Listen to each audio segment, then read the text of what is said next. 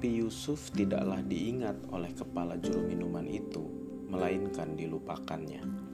Kejadian pasal yang ke-40 ayat yang ke-23. Pernah mendengar istilah altruisme? Sebuah istilah modern dari kata empati yang menunjukkan sebuah kepedulian seseorang terhadap orang lain. Keinginan untuk menolong orang lain tanpa pamrih. Sifat ini bisa saja muncul sesaat, namun bisa juga tumbuh menjadi cara atau value hidup seseorang. Altruisme sepertinya juga menjadi bagian dari value hidup seorang muda bernama Yusuf. Seorang korban fitnah yang harus menjadi narapidana dan di saat yang bersamaan dia menolong juru minuman raja namun akhirnya kebaikannya dilupakan oleh si juru minuman. Tentu saja keadaan ini bukanlah sebuah kondisi yang mudah diterima jika kita ada dalam posisi ini. Masuk penjara karena fitnah saja mungkin kita tidak bisa terima. Apalagi ketika kita sudah membantu orang lain, tapi kebaikan kita dilupakan. Padahal kita berharap lewat orang yang kita tolonglah, kita pun beroleh pertolongan darinya. Pertanyaannya kemudian, mengapa juru minuman melupakan kebaikan Yusuf? Mengapa ada banyak orang di sekitar kita seolah-olah sering kali hanya mengingat keburukan kita, bukan kebaikan kita?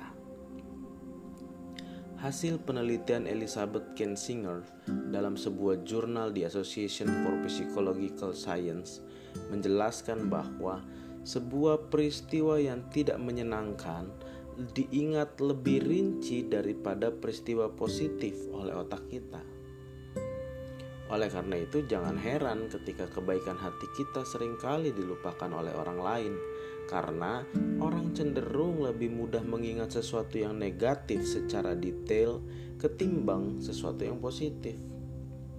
Lalu, ya, kita tidak dapat mengendalikan orang lain, memaksa mereka untuk mengingat kebaikan kita, lalu membalasnya kembali dengan sebuah kebaikan yang lain.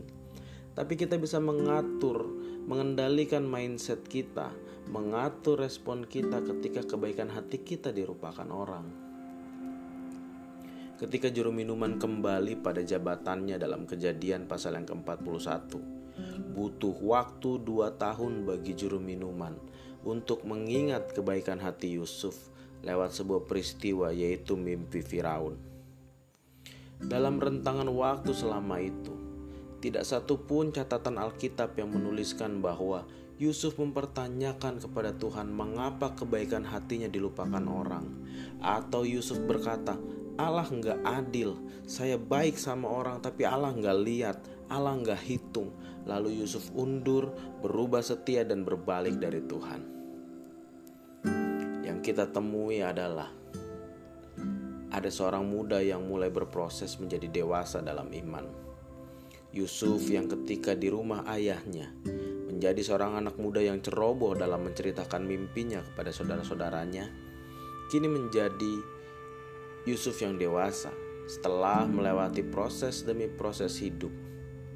Yusuf yang sabar yang mampu menerima segala keadaan yang Allah izinkan terjadi dalam hidupnya, termasuk ketika kebaikan hatinya dilupakan orang. Seringkali penundaan yang kita alami dalam hidup kita hanyalah sebuah jeda untuk kita bisa belajar sesuatu, memetik sebuah pelajaran berharga dari sebuah penundaan. Juru minuman mungkin melupakan kebaikan Yusuf, tapi Allah tidak pernah luput dalam hal memperhatikan Yusuf. Lewat sebuah peristiwa lain, yaitu mimpi Firaun, Allah mengingat janjinya untuk menjadikan Yusuf penguasa di Mesir.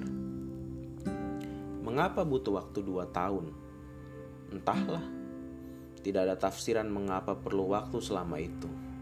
Namun, perlu kita sadari, kadangkala Allah memberikan apa yang kita doakan, bukan waktu kita menginginkannya, tapi waktu kita siap menerimanya. Dua tahun waktu yang diperlukan Yusuf untuk benar-benar siap tampil di depan Firaun dan menggapai apa yang Allah janjikan padanya.